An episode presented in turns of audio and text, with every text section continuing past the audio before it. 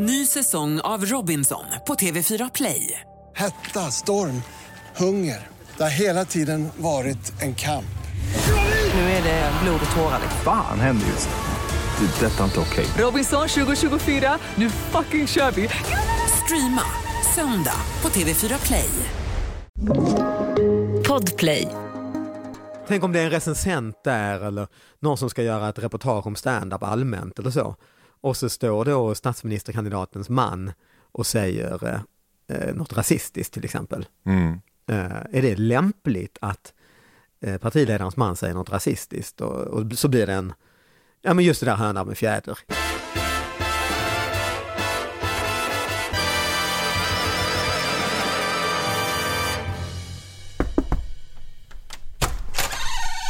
Hallå? Hallå ja! Med micken i handen. Och så gjorde du en fejkknackning eh, inifrån. Den försiktiga knackningen är så låg att den inte fastnar på inspelningen. Så jag måste fejka knackningen. Så nu vet ni det. Mannen som till slut står i dörröppningen var för några år sedan nära att bli Sveriges First Lady. Eller som han själv skulle säga, helt sjukt nära. Förutom att han är den som gett mig tv-historiens längsta skrattanfall i parlamentet när han påstod att Dr. Almans lillebror heter Lattjo Lajban har han turnerat med Elefanten i rummet, kämpat med Gråten i Talang och gjort succé genom att vara den sämsta indiern i världen. Välkommen till toppmöte med Anders S och möt komikern som druckit kopiss, tuggat kopiösa mängder ren nikotin och som fortfarande skäms för sitt namn.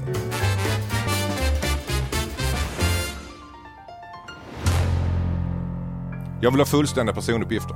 Eh, David Chandra Batra, det, det, det bär emot att säga mellannamnet. Eh, med eh, 72 11 29. Sen får det väl fan räcka. Eh, Chandra, varför, varför tycker du varför bär det emot att säga det? Det var väl eh, att jag blev lite retad för när jag var liten. Aha. Eh, mellannamn är väl sällan något man är stolt över. Eh, och Chandra var nog dels att det var så indiskt. Väldigt indiskt. Ja, och folk kanske hade glömt bort att jag var halvindier. Mm. Eh, och sen helt plötsligt blev det en grej, ha, blev det lite eh, arena att, eh, alltså i vissa åldrar är ju allting så känsligt och allt kan smälla till och bli, bli man kan bli utstött på något sätt. Så Mm. dels var det nog det indiska och sen var det nog att det låter tjejigt. Alltså många komiker som jag har pratat med har ju det gemensamt att de har varit utanför och varit tvungna att slå, aldrig självklara riktigt i Mm. Nej, gruppen. det Eh, Allt ifrån semimobbad till, ja direkt mobbad till, till utanför. Ja, men så är det och att det är det Och- som är grogrunden för att man måste hävda sig. Ja, och eh, att då i, i mitt och många andras fall att det man eh, använder är att skämta, skämta, skämta. Mm. Så det blir ens, man är värdelös, eller jag då i alla fall, är värdelös på sport, värdelös på eh, det mesta som betyder något i den ungdomsåren. Men så helt plötsligt märker man, skämta kan jag eh, få status eh, och driva och så. Mm. Eh, och då eh, tränar man ju på det. Jag har alltså om det, en del gick på träningsläger i fotboll och hockey, så jag gick ju på träningsläger i, i eh, skämta. Vad var det för träningsläger då? Ja, det var ju att eh, driva med... Ja du menar i livets Ja, skola? ja, i livets skola. Ja, ja, det fanns inget läger i någon koll? Nej, det fanns det inte, utan det blev, det blev ju det. Ja. Eh, och då, jag lyckades, jag drev ju med allt från lärare till de här tuffingarna som, och jag, jag tog liksom att de slog, att de slogs när jag drev med dem. Mm. Alltså det var värt att få, eh, det var värt att eh, driva så långt med dem så att tills de eh, pucklade på en och slängde in i det skåpet. Eh, för att det var så gött att kunna... Redan då var du ute efter garvet? Ja, det måste jag säga. Garvet kom Det, först. det, slog, det slog den smärtan man hade sen i, i, i armen för att man hade fått den här hårda knogen mot eh, armen i matkön sen ett par gånger. Så var det ändå värt det för man hade... Så du, så du var en retsticka där? Som, Ja, det var liksom, jag. som, som skämtade och skämtade och sen fick du spö helt enkelt? Ja, och många skulle nog säga att jag förtjänade det spöet. Ja. Du, vad, vad, vad, vad händer nu? Vi, vi har ju skjutit upp den här intervjun Mm. ganska mycket. Eh, därför att eh, det var corona och du visste inte om du skulle ut och resa Mm. och du skulle få göra det i eh, augusti va? Var det Nej, så, det va? fick jag ju inte då. Du fick inte göra det? Hela våren fick man ju inte, sen fick man inte. Nej. Jag tänkte nu blir det höst, men det blir det inte och så. Ja.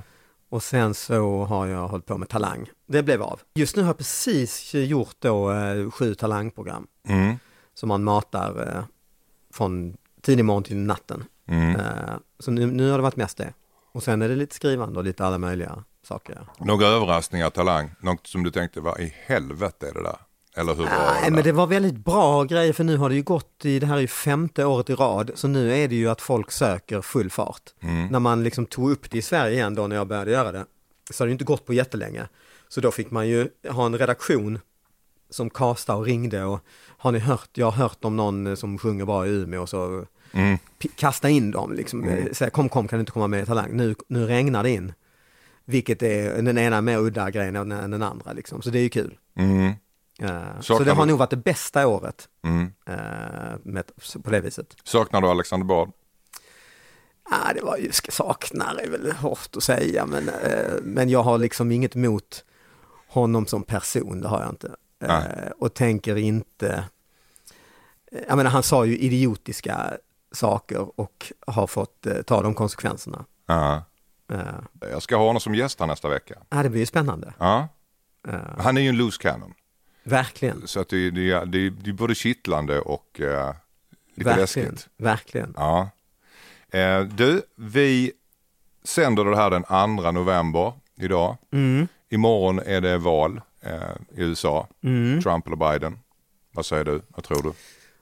Ja, jag har min teori i alla fall hittills har varit att eh, Biden kanske vinner eh, valet så att säga siffermässigt och sen blir det då ett helvetes eh, kaos och varv efter varv i olika eh, senaten och domstolar och de har sitt krångliga system, alla elektorerna och swing statesen och allt vad det är.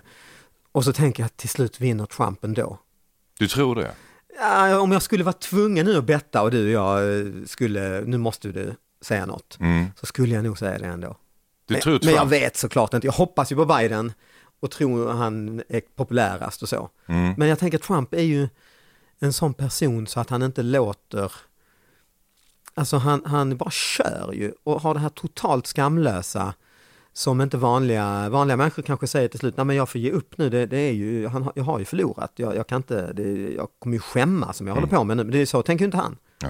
Han är totalt skamlös bara matar, matar och trixar och fixar och eh, tills han kanske vinner då. Varför tror du han är så omtyckt av halva USAs befolkning? Knappt halva. Ja, det är väl för att eh, vi eh, i Sverige kanske inte eh, liksom, alltså man har varit i New York och Kalifornien och det är coolast i världen och kosmopolitiska liksom smältdeglar med mat från hela världen och hippaste kläderna och Chinatown och nästa town och underbart. Och sen, men riktiga USA är ju inte det. Riktiga USA är ju eh, ja, en massa hillbillies, eh, stor fattigdom och man känner att man är helt utslagen och ingen har tänkt på mig, de blir bara rikare och rikare där på Wall Street. Och, och så kommer han och säger, ja, jag tänker på er, jag ska visa de här jävla idioterna eh, med kostym, jag är en frifräsare och jag och så tänker man, ja, men det är i alla fall ett hopp, det är i alla fall någonting. Mm. Eh, Ett långfinger mot alla etablerade as, liksom, så kommer den här. Även om han är ju, Han är ju superetablerad, född Ja. med silversked i mun, Ja. också rik som ett troll och alltihop. Så, ja, det är nästan som att man, de här missnöjespolitikerna kommer väl ofta från det hållet, att Mm. de kallar sig outsiders. Egentligen är de ju inte ofta det. Det är ofta så här rika affärsgubbar och superetablerade, eller kanske gamla politiker och så. Men har lyckats, eh, det är väl också det hans ton och hans allt skit han gör som man inte får göra som politiker. Man skulle ryka på ett dygn av tio saker han har gjort. Men han gör inte det och det, det är snarare bra för honom. För då blir han den här fuck off personen. Eh, Så även om man kommer från privilegier och så, så är han en fuck off person. Och då är han, jag vet jag pratade med några indier om det, för där, där, i, alltså i hela världen finns ju den här starke man-politikern ju. Alltså allt från Orban och i, i Ungern och i Polen och i Indien finns då premiärministern nu som också är en sån stark han är kanske inte lika liksom Det är väldigt na- nationalistiskt. Ja, nationalistisk och, Mm. och anklagad för, eh, för liksom korruption och så, som ju alla politiker är i sig i Indien. Men då vet jag någon jag pratade med, hur kan det, någon väldigt sådär lärare och så var de och tänkte rösta de på honom och så. Och så sa jag någon gång, isn't he a crook? Sa jag då. Mm. Yes, yes, he's a crook, sa de, but he's our crook. och det kanske man tänker om, eh, om Trump. Det var exakt de orden faktiskt jag hörde i söndags i Godmorgon Mm. världen att någon, någon religiös präst eller pastor sa he's a jerk but he's our jerk. ja. ja men det är ju det då ju. Lite som om du har, eh, en buse i ditt fotbollslag eller så. Mm. Som ändå kan vara en buse, en riktig jävla buse. Och egentligen tycker jag, jag kanske inte skulle vilja ha honom här på middag för han kan väl knappt, eh, han kommer ju sno stereon. Men eh, han är en dåre, men han är min dåre i mitt lag. Mm. Fäller några lite fult men ah, han gör det för mitt lag, lite så. Lite som Zlatan någonstans, alltså, han, han kan ju vara dryg och Ja, säga så. grejer Lite så, ja. eh, och så man bara tar sig för pannan. Men han är Men- vår kille. Han är vår kille och han gör mål. Ja. ja. Sen har ju han en charm också. Det, tänker jag, det tänker jag ibland när jag försöker använda det här argumenten då eh, och som att svara på din fråga, eller svara när man frågar sig själv, man ser honom och är sånt, alltså Trump då är sånt as, tänker, hur fan, då tänker jag att de människorna som är då crook but our crook, alltså, de brukar ändå ha lite charm tycker jag. Alltså jag tänker på, på Sverige, det närmsta vi kommer ju någon sorts Ian och Bert ju, som var någon sorts ju, Ny Demokrati, missnöjespolitiker på 90-talet, som frifräs. De hade ju ändå, de var ju burdusa och staplade ölbackar och sa väl lite rasistiska grejer och så. Men de hade ju också någonting skoj. Men då var väl så nära... En glad gubbe hade de ju som, som partisymbol. Trump har ju aldrig något glatt och skoj. Nej. Så det saknar han ju helt. Mm. Ofta tycker jag det brukar finnas lite också det här att de, man tänker de här, i alla fall min bild av det gamla missnöjespolitiker var det här, spriten ska vara fri, dela ut, eh, eh, bort med lapplisor, så här, parkera lite, dela ut sprit på torget, alltså lite så, lite, lite busigt, skojigt liksom.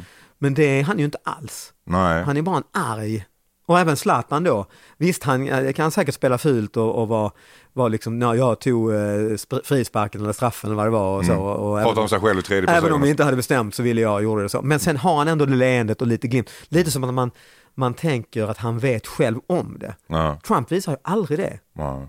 Att jag vet själv att jag är lite full i. Han bara, bara Men du- du så tar- du- jävla burdus ju. Du sa skamlös, det tror jag är nyckelordet. Att Mm. finns det en längtan, eh, när det blir för likriktat, man tänker på dem i Washington Mm. eller de med kostymer som förstår sig påarna i Mm. storstan. Eh, Och när det kommer någon som klampar in med gummistövlarna på och är, som du säger, skamlös. Mm. Det är ett extremt vinnande koncept. Mm. Kan det ju vara. För det säger ju någonting. Och sen det här... De ser mig, jag har, alltid, jag har också tyckt så. Ja. De där jävlarna där Ja. uppe som sitter och bestämmer över mig. liksom. Ja, jag håller med honom. Och, och han säger fuck you till alla, till systemet. Och det är precis vad jag gör. Och han är så jävla arg och det är jag också. Så det är väl... eh, Ja, du, du, eh, du säger att du inte hoppas på Trump, men du tror ändå att det blir Trump som tar hem det at the end of the day. Ja, men lite, för jag nog kanske är lite så pessimistiskt lagd när det Mm. gäller sånt här. Ja, vi, vi, vi, vi lägger åt sidan liksom vad vi själva för preferenser. Ja, jag Utan- fattar, fattar, utan men, jag, jag, är eh, ute efter är en, lite det jag är ute efter en summa här. Ja, men det är väl lite det här att jag tycker, jag kan lätt hamna i det här att man får ta, planera för det värsta eller så, den där eh, hoppas på det bästa sådär. Mm. Eh, Sen vet jag inte hur illa det skulle bli. Alltså jag kommer ihåg när han 2016 då när han vann och man, eh, ja, man satt och sov på valvakan halva natten och tänkte man inte 100% sen vaknar man nästa morgon. Då snöar som satan, jag vet inte om du kommer ihåg det? Otroligt snöoväder var det. Det, jag såg det live, kommer- jag kommer inte ihåg det Ah. snöade, men det var, vad fan händer? Ja, men det var också sånt dygn, snön har kommit till Stockholm i alla fall då och det var kaos i trafiken och så. Och sen fick alla krigsrubriker att nu har han vunnit. Då kom jag ihåg hur man nästan kände i kroppen att ja, det kanske blir, eh, blir eh, liksom krig eller, eller liksom det kommer hända livsfarliga saker nu inom några veckor för att han, det har ju inte som tur är blivit så. Det trodde faktiskt aldrig jag. Jag fick Nej, slä- kämpa mycket för de där åsikterna. Ja. Folk var så otroligt alarmistiska. Ja, det blev, jag var en av dem som kände ång, nästan lite, ja, Ja, därför jag såg att han var så otroligt ego Mm. och han var, ville bara America first. Att jag tror däremot skulle det bli ganska oskön stämning i USA, det såg jag framför mig. Mm. Men jag tror inte, för han, ville ju, han var ju tvärtom, han ville ju Mm. ta hem alla, alla trupper och vi skulle inte ha någon inblandning, USA ska inte ha någon inblandning utomlands. nej just det. Så att han var ju snarare tvärtom. Medan Nej, tänk. Mm. både Bush och Obama eh, ökade ju inblandningen i eh, utländska konflikter. Nej, och kanske krig kanske var fel exempel, men ändå kaos, alltså Mm. ekonomiskt och allt möjligt kaos. Att han, ja, och det, här, det har han ju faktiskt gjort, men det kanske inte visar sig på flera år att han dratt sig ur sådana miljö, Mm. Parisavtalet och WHO är det väl och alla möjliga sådana som man ändå tycker, åh, vi hoppas våra politiker kommer eh, läsa, tillsammans kan man lära, men det är han bara, fuck you, jag ska inte vara med. Och det är klart, det märks ju inte på några veckor. Eh, så det kanske, han kanske har gjort grejer som märks om tio år, inte vet jag. Nej, Jag kom på en annan, när du sa där, hur kan han vinna och så. så var det någon som sa, vi hade den här diskussionen jag och några kompisar, så var det någon kompis som sa, tänk om det hade varit presidentval eller statsministersval i Sverige på samma vis att det var två kandidater. Och så var det eh, Mona Sahlin mot Bert Karlsson. Eh, Ja, faktiskt. Om det bara var de Ja. som man fick välja på. ja, statsministerval. Mona Sahlin eller Bert Ja. Karlsson. Det är ju Hillary och Trump. Ja, det är lite så ju. Ja. Eh, Massa olikheter men också lite likhet. Alltså en etablerad kommer från någon sorts lång, lång politikerkarriär men har lite olika tvivelaktigheter, tycker folk och synar. Och inte så omtyckt Nej, bland många. Bland folket, Ja. i, eller man ska kalla det liksom. Och sen kommer då Bert ja, som businessman och, Pajas. och nöjesfält och tv-stjärna, dokusåpastjärna var han också ju. Mm. Eh, och så, alltså det är, inte helt olikt liksom om man skulle ta, och då skulle man kunna tänka sig att Bert skulle bli statsminister. Om det stod mellan dem Ja. så skulle man nog få det lite svårt för sig. Ja, ja men det skulle bli lite grann så här, ja men ja, tänk att Bert, ja men då rör han väl om lite ja grann. lite det är så. väl lite, lite kul. så ja. Istället, Och kanske river upp lite gamla byråkratiska som är jävligt tröga liksom. Och, Ja. men lite det som folk har tyckt med Trump. Det är skönt att han vänder upp och ner på det här krångliga systemet med tio blanketter. Och. Eh, medan annars är det samma, hon pratar om skatter och Mm. tråkiga saker liksom. Men du, eh, om vi säger så här David, Mm. om du tror att Trump vinner, för jag har tänkt igenom det också, jag tror inte Mm. att Trump vinner den här gången. Ska vi sätta 100 spänn? Ja det kan vi göra. Vi Det, gör det. Helst, ja det gör vi, gör det visst. Gör det. det blir en, ja, du kommer säkert bli glad om du får ge mig 100 Ja, kronor. ja. För det blir, så Ja, du, så du har ju win-win här då. Och du har väl statistiken och allt på din sida? Det fattar jag ju. Ja, men du det enda har... jag har på min sida är hans, också hans förmåga att vara disruptiv i alla lägen, att han kan göra grejer här om några dagar, nu är det ju val snart, Mm. som vi inte kan ens tänka, alltså det här svarta svan-grejen, det är grejer vi inte ens kan, kan, vi har inte kommit på dem än. Nej. Eftersom han har det, ett unikt mindset tänker jag, Mm. med skamlöshet och så. Ja men det är ju också det där med att han går inte bara emot liksom byråkratin och, och eh, de som aldrig kommer fram till något beslut i Washington, drain the swans. Nu är ju också mot vetenskapsmän. Äh, äh, liksom, jag lyssnar inte på experter, du Nej. har fel. Eh, Du, har, du, du är virolog, du är professor, men jag har en känsla i magen att du har lite fel här. Alltså Så det här jag klippet det- när, när hon, eh, läkaren, Ja, det det bästa. sitter och han pratar om just det här med injicera eh, bleach kanske man skulle kunna göra och han säger ju inte... Det, Han ju- fiskar lite åt Ja, hennes håll också. Precis, sen har man vridit att han, han uppmanar folk, ja det gör han ju inte, men han tittar lite, han, han, titt, han försöker få med henne på tåget. Ja, Eller vad säger du, jag har hört att ni pratar mycket om bleach och starkt ljus, mycket intressant tycker jag, starkt ljus. Mm. Eller hur? Eller- och man ser att hon vrider på sig, tittar ner och man ser hennes fötter röra sig. Och hur hon tänker, oh, som en gisslan. Som en gisslan ja. Ja. Och, och, jag, eh, för det hon gör med fötterna just när han säger det här med att man skulle kunna tänka sig kanske att uh, injicera desinfektionsmedel Ja. också kanske eller ja, jo, Ja, ja. jag tänker högt här. Jag tänker vad- säger du? Och hon liksom gräver med fötterna Ja. liksom ner och tittar ner och kliar sig på armarna. Ja. Hon försöker fysiskt sett att gräva sig ner i Ja, underjorden. det här man säger, jag vill sjunka genom ja, jorden. hon vill gräva sig in i. Och vill väl egentligen säga för i helvete, det, man kan inte göra detta. Men tänker samtidigt presidenten, hela världen tittar.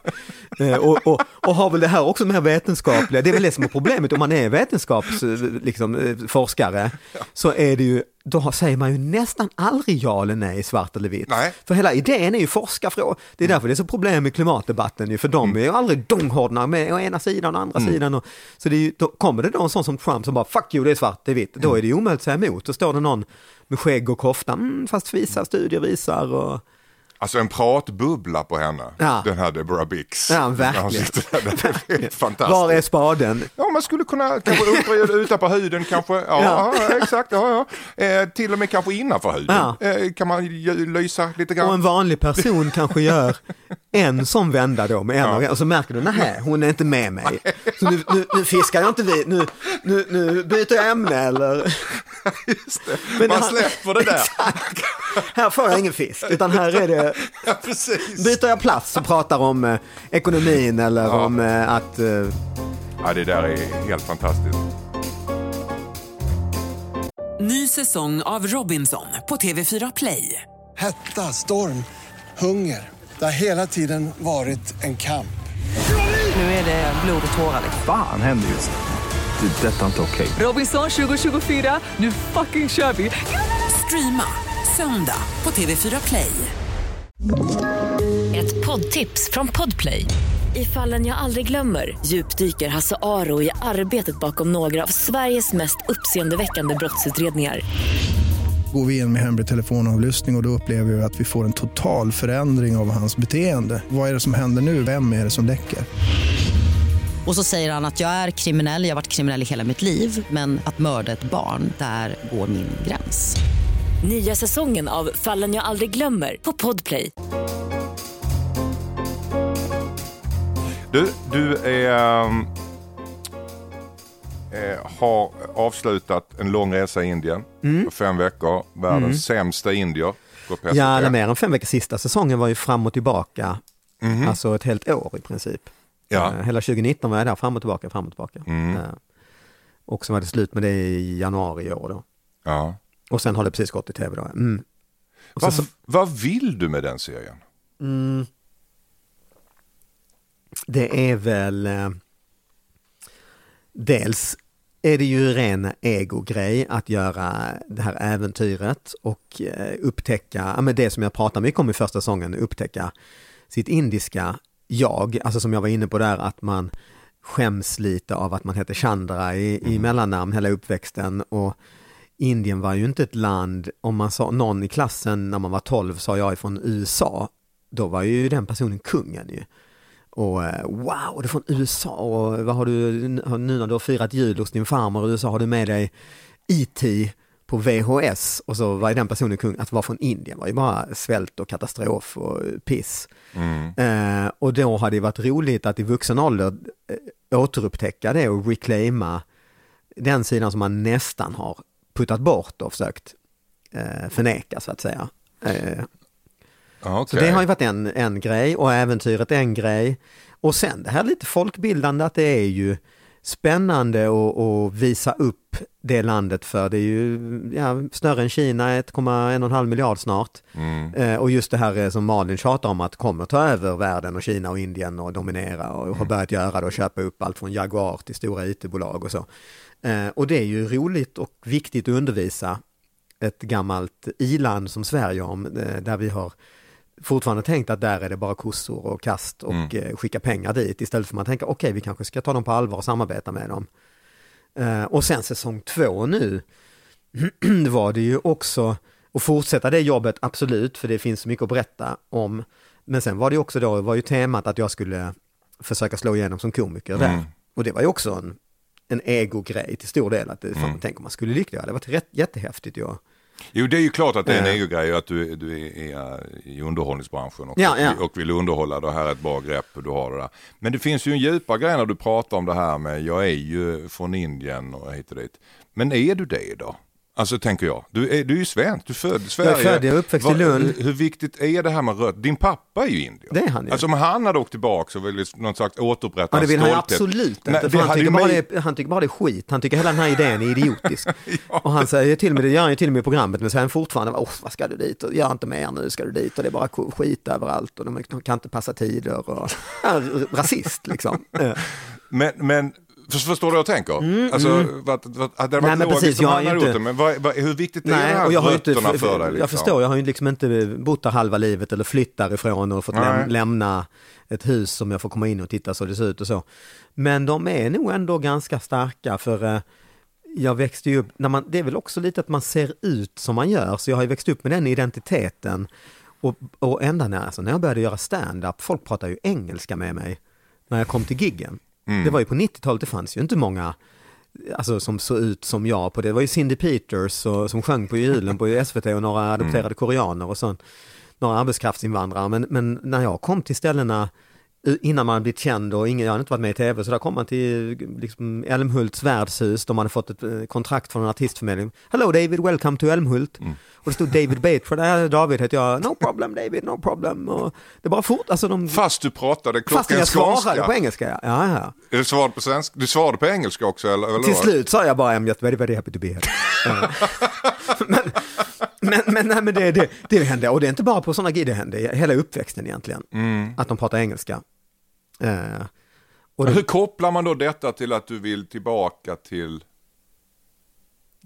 Ja, men det är väl, Försök ska man vara, ska man vara hobby, Alltså, hob, hobbypsykolog, är det väl, för det var ju pinsamt, alltså då när man var stor var det inte så, det var mer att man kunde göra skämt av det. Mm. Men när man var liten och så typ var det ju pinsamt när de pratade engelska med en och och man, man såg sig hela tiden som utlänning så att säga. Mm. Eh, Så det är väl lite att ehm, ja men reclaima det och bygga någon sorts stolthet av det istället, Mm. istället för att dölja det.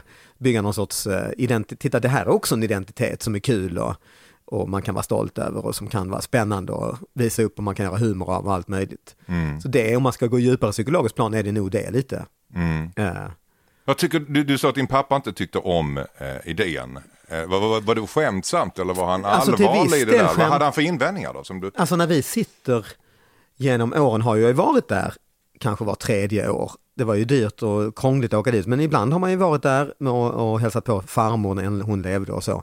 Och då satt man där och åt och särskilt när man blev lite äldre så satt ju pappa då och klagade konstant och de hade tagit fram IKEA-bestick, för han hade gett dem det, de åt ju inte med bestick annars var med händerna, men när pappa kom satte de fram bestick och en klocka, en IKEA-klocka, någon akvarell han hade gett dem en, från svenska västkusten som pappa gillar med en segelbåt.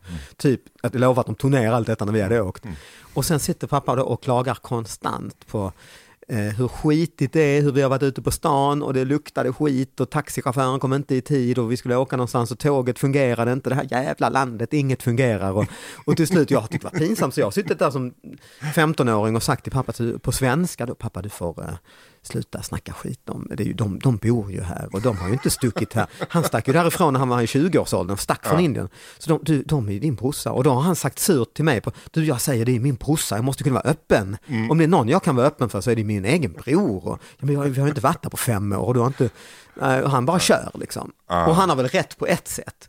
Att han måste kunna, om det är någon gång man ska kunna ha högt i tak och babbla om vad man tycker och känner så är det väl med sina Vad har ni haft för diskussioner när du skulle göra den här grejen? Frågade han eller tyckte han bara så att ja, det var, vad ska du där göra? Eller hade ni någon djupare diskussion om frågan varför du vill eller? eller? Ja, lite och att han aldrig skulle gjort det för han tycker ju det är en, jag tycker också det är jobbigt att vara i den, vissa av de miljöerna och när det är liksom fatt, jättefattigt och skitigt och maten kan vara farlig och så.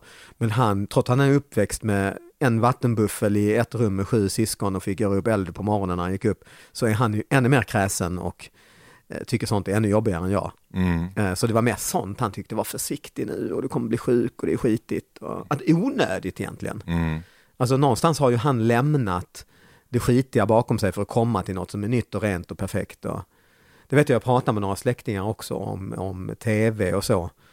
Och jag vet inte om det har ändrats, men i alla fall då, för då, någon gång så pratade han, när Robinson hade slagit till och var så enormt stort. Så frågade jag hur eh, har det gått eh, i den här Survivor, heter det, har det gått bra in i? Nej, sa de, titta på, vi, tar, vi går ut genom dörren så har folk inte mat. Ska vi sitta och se på någon som, åh de har inte mat, det är väl fan inget vi vill se på liksom. Nej. Och likadant Slumdog Millionaire när den kom, kommer Ja, just det. Så, åh vad den var bra, vad liksom, tyckte det var lite kul samtal sen för man var också lite positiv till det, det är ju från in, film från in. Mm. Och de bara nej, nej, nej, den ska vi inte se och usch och den visar fattigdom och slummen och det, det är inget de tyckte var, de ville ju drömma sig bort till någonting. För vi, i, i, i, i, det finns ju någonting exotifierande i det där ibland. Ja, det finns det. Medan de eh, inte alls ser det så. Nej, inte de Såklart. jag, många av dem jag har snackat med i alla fall. Nej. I alla fall den äldre generationen som verkligen ja, lev, har levt i slum i princip själva. Så är det, Var det någon när ni filmade där nere som hade de åsikterna mot ert i teamet, er i teamet att, att varför, varför ska ni varför ska exp- eh, exponera den här misären? Eller? Nej, men det är väl snarare mina släktingar och så när man förklarar att programmet heter eh, direkt översatt The World's Worst Indian. Mm, Då, då är de helt oförstående. För att de är så enormt patriotiska. mm, Och de vill bara visa det bästa av Indien och Indien är bäst på allt och de, de, de älskar verkligen sitt land. Alltså för en svensk så är det väldigt främmande för vi är kanske patriotiska på sitt sätt att vi tycker eh, vi är duktiga på vetenskap och coronastrategier och så men vi är också, vi skulle aldrig säga vi, vi är smartaste landet, i, vi har uppfunnit det, vi har, man är väldigt försiktig med sånt ju. Och Hela den här SAS-reklamen som bygger på vi har tagit in influenser, det är vi stolta på att vi är duktiga på. De är stolta över att vi, våra hjärnor, nästan, nästan så biologi, liksom att våra hjärnor är så, vi är överlägsna nästan. Så man själv, ja alltså vänta lite nu här. det är lite Eh, Tyskland på Ja, 30-talet. alltså det är de lite oroliga att jag säger worst Indian och sån, så när vi skulle sälja in den i, till indiska tv-kanaler, vi har hållit på lite med det, då får vi döpt om det till Homecoming och sådär. Så att, eh, Då tycker folk, ja, ja det är home, att man har en glädje att komma tillbaka så att säga. Shit vad spännande, Eh. för vi, vi svenskar är ju patrioter i hemlighet. Ja, exakt, exakt, verkligen. Och det är helt annat här, de är väldigt öppna och raka. Ja. Och låter ju som, som det? man skulle kalla typ SD eller så, hyllar flaggan och Mm. liksom, eh, gamla asagudar typ och mm. folknamn, det är mer den stilen liksom. Mm. Eh, Varför är vi det? ja, det är intressant. För vi, har, vi är väldigt det ju- patriotiska när det kommer till sport till exempel. Ja, då är det okej. extremt ja. stolta. Då är det okej vi- att sätta på vikingahjälmar och allt möjligt. Ja. Och vi är väldigt angelägna om vad folk tycker om svenskar utomlands. Och vi är. Ja. väldigt stolta när vi kommer utomlands, men, Men det- här är vi ja. inte det. Nej, det är sant. Och man, det vi är mest stolta över är ju det här lagom ödmjuka, till och med stolta över jantelagen ju. Mm. Och det är därför då säga världens sämsta indier, det är ett bra namn här i Sverige, man tycker det är lite kul det. att kalla sig sämst och dålig, men kalla sig det där, det är bara idioti tycker de. Mm. Eh, nej, jag vet- det kom, jag vet inte var det kommer från. Ja, för jag tycker eh, en jättestor styrka, men jag jag har sett igenom den och tycker att den är väldigt underhållande, den här tv-serien du gör. Ja men tack. Eh, och du har ett väldigt speciell med, relation med din pappa. Mm, så är det ju. Eh, har ni alltid haft den här relationen, att han är den lite skeptiska och, och sådär, eller hur, hur ser den ut? Jo men så är det nog, att Mm. vår eh, jargong är ju det, alltså de sekvenserna när han har varit med, de tar ju tio minuter att filma. Han bara är... Ja, vi käkar, käkar frukost och så filmar vi det och, och så klipper man ut några sägningar liksom, men eh, det har inte liksom behövts några massa omtagningar eller så. Utan det är vår jargong lite så och hans... hans Har alltid varit så? eh, Ja, har alltid varit så. Och hans krassa, lite, eh, ja men vad ska man säga, lite buttra men med någonstans humor har man ju, eh, är det ju liksom. Mm. Men det, den jargongen har ju han också bland kompisar och så. Den lite roastiga eh, tonen. Men det, det är också lite indiskt tror jag, för de kan vara, det är ju helt otroligt hur de kan vara det. Alltså jag kommer hem till dem, jag tror jag pratade om det programmet också, till min fasta, har inte sett henne på tre år och så har jag fått liksom gråa hår. Och hon bara, you look like shit! Och tar, what is this, what is this? Totally grey. För, för där skulle man ju färga det, det finns ju ingen som visar Alltså, man, till och med om du bor i slummen och knappt har råd med medicin eller mat, du har fan i mig råd med hårfärgning. Alltså, kolsvart eller rött, ja, du, har själv varit i Indien, ja, eller hur? Nej, jag har varit i Sri Lanka Ja, ja, bara men två också gånger. kols, alltså det kan vara en 80-åring och det sitter också pappa och driver, han är ju helt grå och har alltid varit liksom aldrig för.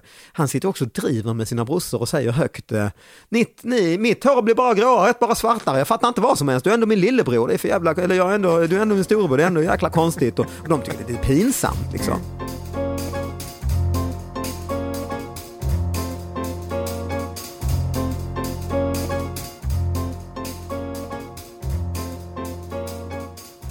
Det finns en passage där när du, när du eh, upplever någon slags andlighet när du ska bada i Ganges, bland annat den här kloaken. Eh, som jag lider med dig, verkligen. Eh, och sen kommer du väl till rummet, för du, det är någon slags andlighet du upplever och sen så ska du ringa till din pappa och säga saker som du kanske inte har sagt men tänkt. Fina saker. Ja, så var det ju. Mm. Och när du tar upp den telefonen så säger du att shit det här är jobbigt. Säger du. Mm. Eh, och sen samtidigt säger du det borde ju inte vara det. Egentligen inte alls, nej. Var, varför är det jobbigt? Jag känner igen det där Ja, jag tror alla precis. känner igen det där. Mm. Eh, varför är, vi, är det så svårt? Ja, dels är det ju jobbigt ju för att man filmar det. Och man, man vet att det här ska... Men det borde ju i och för sig, det man ska säga är ju snällt ja. Eh, typ eh, tack för att ni är de ni är och jag älskar er och så, vilket man inte säger så ofta kanske till föräldrar eller eh, ja, den man är gift med. Eller så man borde säga, allt sånt borde man ju kunna gödsla med eh, oftare för det är ju, folk blir ju glada och det är positivt. Men då är det väl kanske, ja men det är väl också att man blir självmedveten som komiker lite. Att det ska verka blödigt och att man inte vill lämna ut sig själv, så att man vill liksom exploatera sina känslor i tv. Det tycker jag är en stor del i det faktiskt. Var det bara att var kamerorna där? eller Inte bara, inte bara. Men Säger du eh, det? jag var ju särskilt, mina tårar kom ju, jag grät ju i princip och man känner ju, det, ju, det tycker jag är, det har ju de skojat med mig nästan i Talang, mina jurykompisar, att jag eh, gråter nästan aldrig. Vissa gråter ju väldigt lätt när det blir en otroligt känslig historia och någon lägger ut sitt hjärta på scenen och sjunger som en, har varit mobbad hela livet och sjunger fantastiskt. Och jag kan känna det, också jättestarka känslor, kan känna lite tår, men jag har svårt att det är någon lite spärr när det är fem kameror där och publik och eh, som det slår till en spärr lite. Jag har ganska lätt för att sitta och lipa på eh, jag kan lipa på Disney, alltså så Disney-filmer hemma i tv-soffan. När du själv eller även med andra? Med familjen kan jag göra det. Det kan du göra. Men då är jag lite sådär, tycker det kan man tycka det är lite pinsamt även för dem att eh, det är väl lite det här en vuxen och som sitter och lipar till Lejonkungen. Liksom. Det är Mm. väl lite, men där har jag ändå med åren tyckt att jag kan eh, erkänna, erkänna det liksom. Men det är väl dels det ja, och att man, ja men det är väl lite gamla skolan, att man ska inte visa, kanske någon gamla skolans manlig ideal, att man inte ska visa, man ska vara stark och tuff och så. Det finns ju också Eh. något överdramatiskt i det, man överdramatiserar det kanske. Man vill inte vara en drama queen på något sätt. Nej men samtidigt är det ju så, det, det du kanske skulle säga till din pappa är ju, är ju liksom naturligt fina grejer egentligen. Ja det är det ju. Men i och med att man kanske inte har sagt det så ofta så lägger Ja, man så mycket känsla i det så att allting kommer på en gång. Ja, så att man exakt. är rädd för att brista kanske. Ja, det är så, är så enormt stort. Det blir så enormt stort. ja. Ja. Så att den lilla grejen eh, är ju, ja det är det nog ja. Mm. Nej, för det, och det borde ju inte heller, det är inte så att vi har gått eh, runt och varit ovänner i 20 år eller inte pratat. Det finns ju massa sådana relationer mellan föräldrar och barn och syskon och allt och sen så försonas man. För det var inte, inte så heller, vi träffas hela tiden och har en bra relation. Mm. Men, men man säger inte de orden direkt. Är du uppväxt i den miljön att ni sa, sa sådana ord till varandra, mamma dig och pappa du? Nej, visar det väldigt mycket. Mm. Med andra eh, kärleksfulla gester och närhet och kramar och sånt. Mycket sånt och skratt och glädje och bjuda och eh, hjälpa och, och eh, så. Men kanske inte direkt säga de där orden. Nej. Jag älskar dig eller du är viktig, vilken tur jag har haft som har er som föräldrar och så. Lite, inte så mycket just utreda så. Och det kanske man inte behöver heller ju. Nej. För, förhoppningsvis ska man inte behöva utan det ska, ska ju finnas där. Mm. Men, Det eh, finns någonting, det finns något kraft i orden. Ja det är ju det.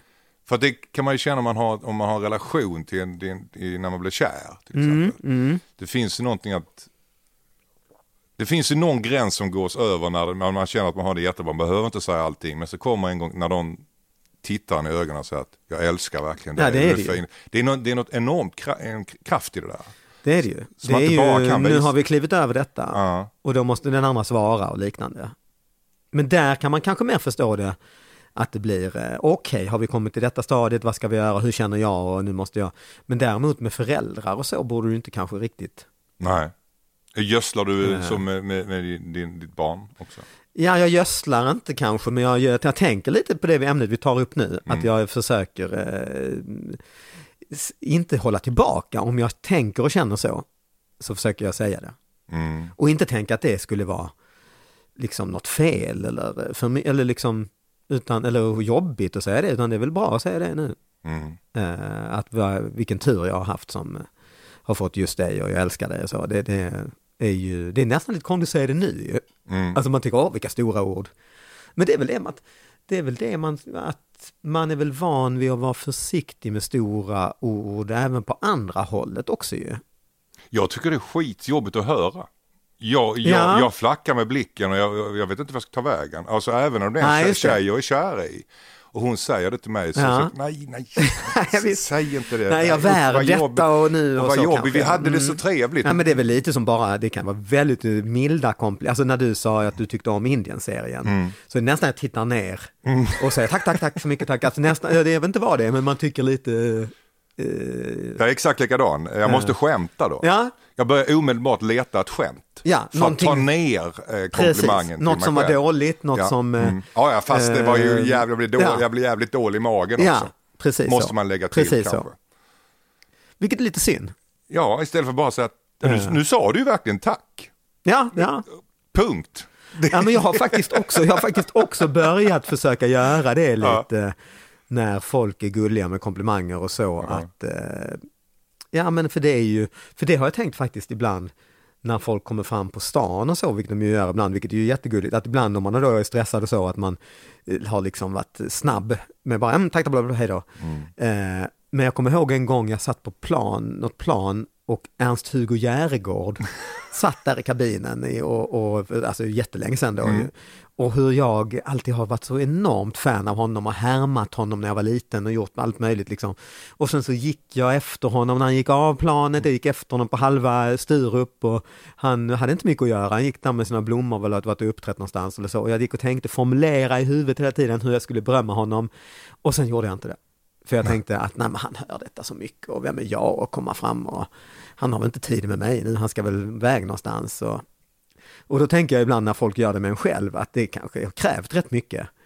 Eh, för att det är lite jobbigt och, och nästan som det här vi pratar om nu, lite steg dit. Ja. Och då får man ju försöka i alla fall och kanske säga, titta inom ögonen och säga tack vad schysst av dig eller så. Ja. Eh, Ja, men jag tycker det är lätt om folk kommer fram och säger shit vad jag gillar parlamentet. Ja. Men då är det lätt att säga något ja men tack så mycket. Ja, för det gäller men inte någon- dig personligen. Nej, men om någon skulle säga, jag tycker du är så fin på Ja. grund av det och det och det. Jag bara, nu Det- när du säger jag lite, jaha, Då måste jag säga något negativt.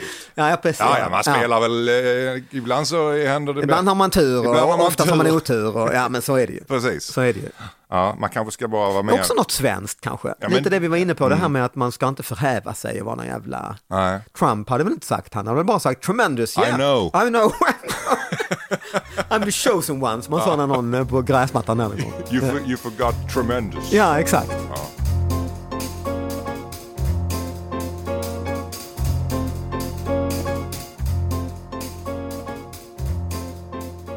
Du har tänkt på det här i världens, i världens sämsta indier. Du, du går ju igenom en jävla massa och en grej jag reagerade på att du drack kopiss eh, i e- ett avsnitt. Alltså de kommer fram med en kopp direkt under eh, ja, Snippan. snippan och låter helt enkelt eh, henne tömma sig i den. Och sen så dricker de det direkt, varmt, varmt och gott va? Och du också. Nej, jag drack inte då Nej, faktiskt. du drack inte det. Nej, det gjorde du faktiskt Jag samlade kisset Men åt dem samlade... och sen så, så, så, gav jag det till dem, de tittade, synade. Jag tänkte, ja nu tittar väl de på det, det var riktigt varmt ångande urin i ett litersmått. Och sen tittar vi på varandra och så då böjer han sitt huvud bakåt och tar en rejäl klunk. Ja, jag såg det. Ja, och då var vi faktiskt, just med tanke på filmer och så, Ja. då så hell, vi bara tittar på varandra, vi, är ju- vi är ju tre eller fyra som gör det då, Malin och, och, eh, och Karin och Linda som filmade, han drack bara, och hon hade inte kamera på honom då, så, så fick vi, bad Linda, "Eh, sir, can you drink again? Yes, yes, sa han, då blev jag ännu starkare, för det vi ville ha på bild ju, och då tog han en ännu mer, halsade medan vi filmade, och sen bjuder de mig då, och så tar jag det i handen och jag var väldigt nära faktiskt. För man då, det är någonting när man, man blir ju Man blir eh, triggad. clown Ja, liksom. mm. Och då, eh, men då kände jag lite, jag fick någon sån här, tänk om jag blir sjuk, vi hade sånt schema liksom. Ja. Och man är liksom det, Tänk om jag blev sjuk. Alltså, det är ju hundra procent Ja, jag visste vi skulle Jag göra ska massa- dricka, jag står och dricker piss. Ja. Jag undrar om jag blev sjuk. Ja, nej. Alltså, Samtidigt har man ju hört att de säger ju att det är det renaste som finns. Så, så att jag, liksom, jo, men det finns ju utrymme för tvivel. Men, men då i alla fall så tänkte jag att vi filmar, vi hade ju liksom, när vi gör de här programmen, när vi är där så måste vi ju liksom mata hela tiden så vi har aldrig paus egentligen. Nej. Så det finns inte tid att vara sjuk. Så då, men sen så kokade de pisset och blandade med vatten, då drack jag. Mm, det så såg tänkte jag. nu är det kok, tänkte jag, och det smakar ju fruktansvärt. Eh, och då, och Malin drack också, och hon blev ju faktiskt sjuk. Ja, du, ja precis, du, du Hon blev med den. också. aldrig sjuk annars, men, men nu blev hon då. Så Men det du, blir ju, ni, må- ni måste ändå ha konsulterat läkare. nej, det har vi inte gjort. Du, du står och dricker piss. Ja, men du då tänkte jag att det var kokt. Ja, okej. Det var, det var, jag sa till och med kok, kok Men inte blanda ut med tonic. Såg ut som en hembränning. Ja men bli blandad med vatten. Ni- ni- så alltså, det ni var ju var- lite kiss och och kokt kiss. och sen. Det smakade och luktade faktiskt mest som jag tänker, för jag ser att du har din snusdosa där. Ja, ja. Jag snusar ju inte själv, men när man luktar på snus, det här ammon, Ja, stark, det. stark, stark. För det blir ännu starkare när de kokar ner, det blir de här starka urinämnena och ammoniaken. Så det var lite som att stoppa näsan i I här sån. fönsterputs eller starkt snus. Och smaken var också illamående känsla om man drack det. Men, men eh, Ja, det är ju häpnadsväckande. Men sen de gubbarna som drack där, de, de skröt ju och tyckte jag var en mes och så, som inte drack. Och så bara, är det ju alltid, ska vi ta andra locations där på deras eh, kloster var det nästan. Och då hade vi lite att bära stativ och, och kamera. Och då ville de hela tiden bära, de var ju 70-årsålder gubbarna. Jag tar detta och så log de här, hela tiden blinkningar. Du vet var jag får min styrka från. Och, så de är otrolig stolthet hade de.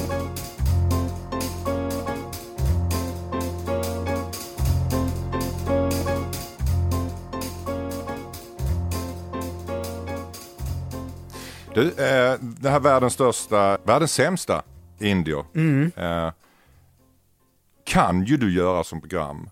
Eh, men jag skulle inte kunna göra det. Nej, det är svårare. Ja. Och då är vi inne på någonting som heter kulturell appropriering Mm. som är en stor debatt just nu. Där eh, indianerna i Västra Frölunda, Mm. eh, eh, det finns en massa olika exempel, någon som hade fjädrar på sig. Vad, vad tycker du om den debatten? Alltså i grunden är det ju bra att man inte kan stå och vara, eller stå, men att man inte kan bete sig rasistiskt eller sexistiskt eh, längre utan att det blir eh, ja, debatt och problem och du får ta bort de eh, vissa kränkande ord och så. Sen är det klart att det är ju flytande detta ju. Det är ju samma med det här, vad kan man skämta om och inte skämta om. Och det är klart att man måste ju kunna skämta om allt, men vem som helst kan inte skämta om vad som helst, var som helst. Här med tolkningsföreträde också. liksom. Ja, ja, så är det vad, ju. vad tycker du om, eh, för Ja. det har ju förändrats ganska snabbt över tiden. De Ja, har senaste, senaste fem, tio åren skulle jag vilja Har säga. det väl accelererat? Ja. Accelererat Mm. ja. Vad, vad tycker du om humorklimatet idag? Tycker du att det är ängsligare eller tycker du att det är som det har varit? Eller rent av bättre? Jo, men det är det väl på sitt sätt, just med den aspekten du säger här. Det är ju ett sätt bra om man är komiker. För som komiker bygger det ju på att tänka utanför boxen eller bryta tabun och vara lite var lite knäpp och lite galen och, och wow, nu sa han detta, jaha, fast han gjorde det på ett roligt sätt och så skrattar man fast eh, först fastnar skrattet i halsen nästan och så. Men ju, ju liksom tuffare någon sorts åsiktskorridor eller sådana, ju lättare blir det ju att vara någon sorts edgy då ju. Det är intressant att du vänder på det för att många jag har intervjuat i, i den här podden har sagt att det är, har blivit så många ömma tår, det är väldigt många Ja, som det är det också. Det är, men det är det också. Med väldigt mycket makt och man kan bli hängd för väldigt lite, det är bara ett ord eller en mening fel. Så att, säga. Så är det ju också. och att det i, i, sin, i förlängningen skapar självcensur hos, Ja. hos, hos komiker. Att man inte ens testar material för man vet att jag vill inte in där och grotta även om jag tror att det kan bli kul. Den sidan finns ju också. Mm. Någonstans, jag, eh, Anna var ju partiledare Mm. och eh, statsministerkandidat i uppåt ja, fyra år nästan, tre, fyra år. Och då tänkte jag ju ibland när jag var på Norra Brunn och små standupklubbar när man skriver material så är ju standup-material skriver man ju så, man står och gör skämten för publik. Man har kanske en skiss på en servett och så går man upp på scenen och så är det 50 eller 100 pers, litet ställe en tisdagkväll och då kanske man säger något som verkar till och med rasistiskt i stridens hetta när man testar att skruva det här skämtet och det kanske till och med någon i publiken som är, är utlänning och då blir det än roligare för man börjar käfta med den personen och skulle, man, skulle man skriva ner då vad jag sa till den personen till och med eller till så skulle man framstå som eh, ett as eller rasist. Liksom. Men alla de 50 där vet att vi hade skoj ihop eh, och den här killen svarade och käftade och, och ja det var en, var en skojsituation, ungefär som ett kompisgäng kan man hålla på så i. Men så då hade jag lite, var man ju lite rädd ibland och tänkte att jaha, eh, för politiker kan ju inte göra så. Vad var du rädd för att jag skulle stänka på Ja, men Anna, li, lite Anna så ja. Tänk om jag eh, kommer i blåsväder. Tänk om det är en recensent där eller någon som ska göra ett reportage om stand-up allmänt eller så. Och så står då statsministerkandidatens man och säger eh, eh, något rasistiskt till exempel. Mm. Eh, är det lämpligt att eh, partiledarens man säger något rasistiskt och, och så blir det en, ja men just det där höna med fjäder. Hindrade dig grejen. någon gång? Nej men det gjorde nog inte det. För jag tog upp detta någon gång med någon komikerkollegor och så jag, jag tänkte på det och pratade om och pratade med Anna om det också som också var med. Nej, nej, det ska inte förhindra dig liksom. Det, och det var ju skönt så. Att hon eh, eh, var ju liksom hela tiden för att jag gjorde min grej och så. Mm. Men det är ju ändå mycket som står på spel. Alltså hon är Mm, statsministerkandidat Ja, jag vet. och du leker med lite kul eh, förbjudna ämnen där liksom. Testade du då på Anna? Är det här, eh, hur uppfattar du det här? Ja, men det kunde jag nog göra lite grann. Ja, men det var nog snarare, kanske inte, kanske inte av den aspekten, det är nog snarare när det var skämt om henne eller om familjen eller har barn och så, så vill man kanske klira det lite. Mm. Eh, innan man dundrar ut och säger det liksom om och om igen och, Ja. och så.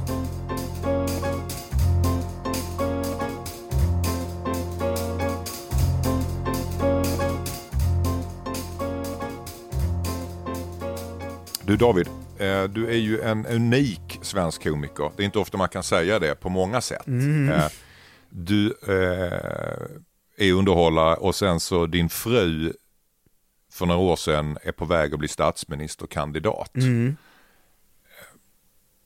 Kände du, blev du, blev du skraj då? Hur kommer det här påverka mitt jobb? Ja, men lite, det är det vi pratar om nu ju lite, att man scannar igenom en eh, radar, okej, eh, vad händer om någon skriver att jag säger så här eller så ja. Så lite. Men du vänder ju på det då och du gör ju eh, en, en stand-up show som du kallar Elefanten i rummet. Ja, som handlar om detta. Eh, och sen så slutar hon med politik. Men du slutar inte med din show. Eh, Där faktiskt, Det apropå, ju- apropå detta ämnet bara, så kommer jag tänka på nu att mitt arbetsnamn eh, ett tag eh, och liksom affisch och så var First Lady. Eh, för det var någon som hade sagt att jag blir det om vi, eh, om- och, och att jag hade, och så hade jag långklänning och så, och i, på affischen var tanken att kliva ut ur en eh, eh, liksom sån här statsrådsbil med eh, Säpovakter runt mig och så, och så har jag högklackade skor och sån, typ på väg till Nobelfesten med eh, Eh, och då så tänkte jag eh, just i några varv på detta att det kändes lite sunkigt. Eh, med Kari klänning. ja, lite Eh. så. Varför skulle, du, varför skulle du inte bara bli first man? Ja. ja. Det var för att någon hade sagt så och för att det, det, är, det, tradition, ja, det är ju det traditionella. Att eh, gubbar som eh, har makten och så har de en, sin Melania vid sidan om eller så. Eh, Eller Michelle Obama eller vem det nu är. Det är ju den bilden du har ändå just när du... Eh, och så tyckte jag det var ett klatschigt namn med lite så Vita huset namn och lite. Men så tänkte jag några varv som sagt, tänkte att det är lite, ja men lite, lite muggigt Kari Klänning. Lite 50-tal. Ja, Kari Klänning-skämt. Och varför ska jag, jag tänkte jag behöver inte det på något sätt. Nej. För i komikervärlden så var det ju muntert. Ja, det var alltså, det det, det, det kändes ju väldigt så här roligt. Ja, eh, du bygger en hel show på Elefanten i rummet, att Ja. hon är statsministerkandidat och sen slutar hon med politik. Ja, Eh, vad fan ska han göra nu? ja det gjorde hon ju det fortfarande- hon, gjorde hon ju tre veckor innan premiären tror Ja. jag. Eh, Hur känner du då? ja, då var det ju panik. Kunde du inte hänga kvar älskling? Det var ju, ja nästan så, vi skojar ju mycket om det. Att, kan, bara håll ut över. Uh, nej, det var ju, det var ju, ja, panik, eller panik är väl hårt ord för jag, det var ju, jag trodde ju inte det, att hon skulle avgå och inte hon själv heller. Utan det var ju skakigt hela våren och skakigt i omgångar och dåliga opinionssiffror och avgångskrav och så. Men eh, det var väl inte förrän precis in i det sista där hon var, okej, nej, ja, nu gör jag det bara. Hon räknade ut att nu gör jag det. Så då var det ju, och det var ju ett par veckor innan premiären och jag hade Biljetterna hade ju sålt som, sålde ju som smör och jag hade bokat Globen. För jag tänkte det här är ju, det här går ju som tåget. Så alltså då var det ju okej. Eh, och då fick jag sätta mig ner och, och eh, jag vet jag satt liksom helt isolerad en helg eh, och bara lappade upp hela showen med gula lappar och det här var väl två, tre veckor innan och, och jag vet jag pratade med Johan Glans som sa, ja men fan du har gjort det här i 20 år, du får bara läsa det. Och eh, blev lite sådär, skärp dig och liksom bit ihop och gör det bara. Och, och, och så gjorde jag det och tittade också på lapparna och så, och så upp och klockade Eh, liksom jag hade ju uppträtt på, på Norra Brunn och så med skämten så jag visste ungefär långa, lång tid och jag skulle ha 90 minuter att fylla. Och upptäckte att det var ju inte mer än, ja men liksom dels var det kanske inte mer än av de här 90-25 minuter om politik och om att leva med, med statsministerkandidat och så. Och det mesta av de 25 minuterna var ju bara att ändra tempus. För det var ju inte så att hon aldrig hade varit statsministerkandidat. Nej. Så det var ju, för tre veckor sedan var det ju så. Och Säpovakterna hade ju varit i tre och ett halvt år och de var ju fortfarande, och att hon var nära att bli, ja det, ju, det var ju fakta. Mm. Så då, då lugnade det sig ganska snabbt och sen skrev jag ju säkert nästan tio minuter nytt de veckorna om de dy- avgångsdygnen. Så på ett sätt blir ju det väldigt här och nu. Mm. Och sen så fick jag ju då Anna, hon blev ju ledig då hux flux, så att då så var hon eh, förband på premiären. Du tog med henne i showen. Hon klev upp själv och, och, eh, och Det är jag som är elefanten i rummet. Typ ja, och hade en eh, ett, liten roast av mig kan man säga. Hur reagerar du och Anna då när ni blir parodierade? Jag jobbade ju med Mumbo Jumbo som Mm. Producent det. och vi parodierade er. Mm. Eh, Shanti Rydwall Menon spelade dig Just och eh, Louise Nordahl spelade Anna Kinberg Batra. Hur reagerar ni på det? Ja men det är väl eh, lite bland, alltså är det för elak parodi kan man ju bli lite så va är jag? Och, och att de sätter kanske fing, jag har blivit parodi och Anna också tror jag, även i andra Hej Baberiba och allt möjligt. Eh, det är ju en blandning kanske med en lite stolthet, smickrande, för man parodierar ju inte vem som helst. Eh, och lite, mm, oh, just det, de, särskilt om det är rätt att man säger något om och om igen eller eh, har någon, något tick som man tycker är lite pinsamt. Det är ungefär som en recensent så kan man ju bli sur och tycka och sen kan man ibland hålla med dem lite, fan det var ju faktiskt rätt och så. Men eh, mest får jag nog säga att det Shanti hade någon grej som du alltid sa. Ja fast det, det tycker jag inte var, det är helt sjukt, det är helt sjukt, Helt det är helt sjukt, men det, det tycker jag inte jag säger kanske. Men det Ja, kanske men det jag gör du faktiskt. Ja det kanske jag gör. Det är här- sjukt. Ja, ja, ja. Ja det säger helt jag. sjukt, det är helt Mm. sjukt. nej, men det, nej men mest är det faktiskt kul. Och jag har faktiskt nu denna säsongen så ringde de mig så jag är med en av sketcherna. Ja, jag har sett trailer på det, jag vet inte om programmet är gått Nej, jag vet inte Men heller. där du, där du springer på Ja, som, just det. som riktig. Och eh, när jag gjorde ja. sista Elefanten i rummet så ringde jag upp Shanti och Louise ju, som gör Anna och då var de med och var lite eh, förband. Mm. Eh, så, att det, så det säger ju att jag tycker det är, det är smickrande och kul mest. Som komiker så kan man väl inte säga Nej, att jag tar illa upp. Det, även om du tar illa upp så ska du inte säga det. Nej, det kan man inte. För då är man ju, eh, ja. Ogin. Ogin, ja. Du håller, man håller ju själv på med det. Mm. Och eh, roastar och gör parodier på folk.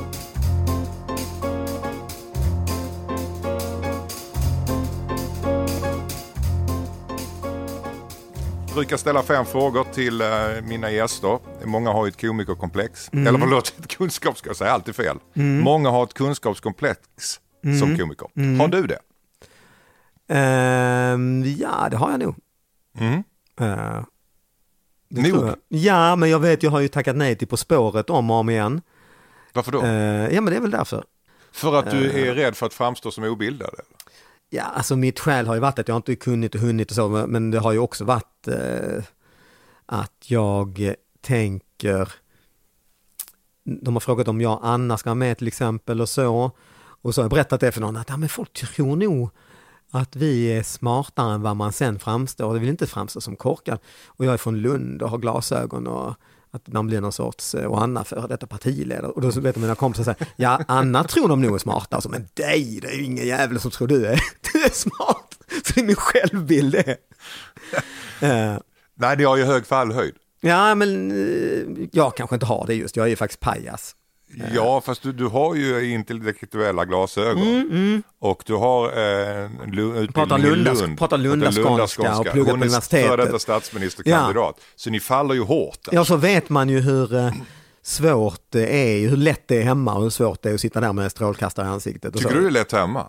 Inte På spåret vet jag, jag har inte sett på, jag har knappt sett det. Men alltså sådana, eh, Anna är ju med i det här muren ju. Mhm, mm, eh, i SVT och hon, så hon har faktiskt, eh, hon vågar ju mer Mm. än vad jag gör.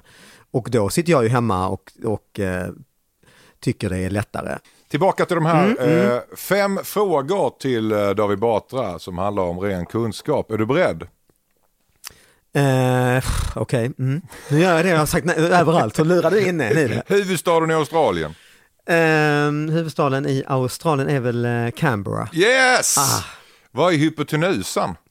Oj, det är ju, är inte det i en eh, triangel så är det de där raka sidorna, eh, katet, katet, hypotenusa och så är det, är det en diagonala då. Yes! Det är Ah, yes. längsta sidan diagonala i en rättvinklig triangel. kul. Mycket bra. Två rätt. Vad hette Sveriges oftare. första kung? Oh, Eh, Ja, det var ju det var ju de här jättegamla ju, eh, Harald Blåtand och Tveskägg och fan allt vad de hette. Eh, Erik den, Erik Segersäll tror jag. Ja! Ah, jag vet inte. Var spelade Zlatan innan Milan? Då spelar han Nu, väl i, han var väl, var det inte LA Galaxy? Yes! Mm. Du, vad heter grisen Grymta på engelska? Oj, eh, The Pig Squeal, squeal, nej grymt, squeal, squeal, squeal, nej skri, grisen, gro, vad fan heter det, grymta, grow, nej nej, jag vet inte. The Pig Grunts. Grunts. Grunts. Grunts. Men du har så mycket som eh, många rätt. Ja, men vad med- härligt. eh, Absolut över medel. Ja men vad gött. David Batra, Mm. tack så jättemycket för att du kom och gästade toppmötet med Anders S. Tack själv.